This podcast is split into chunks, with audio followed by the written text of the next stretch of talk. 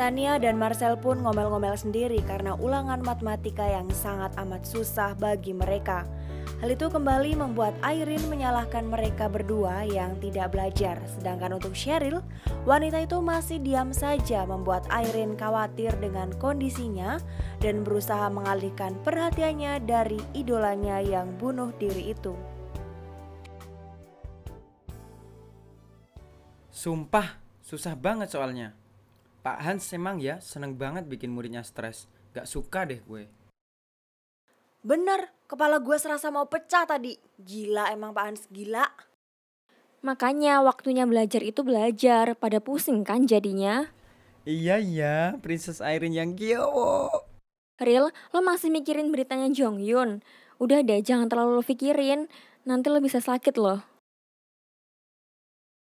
Hmm, ya udah, mending sekarang kita pesan makan sekarang aja. Gimana? Gue lapar banget nih, gegara ulangan laknat tadi tuh. Nah, bener-bener. Iya, Real. Lo pasti belum makan kan? Lo mau gue pesenin apa? Nasi goreng, bakso, atau siomay kesukaan lo?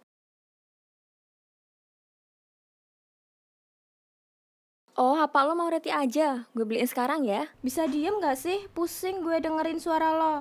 Nggak tahu orang lagi sedih apa nyebelin deh. Cheryl beranjak dari duduknya lalu berjalan pergi meninggalkan teman-temannya. Lah, Ril, lo mau ke mana? Gak makan? Nggak, gue nggak mood.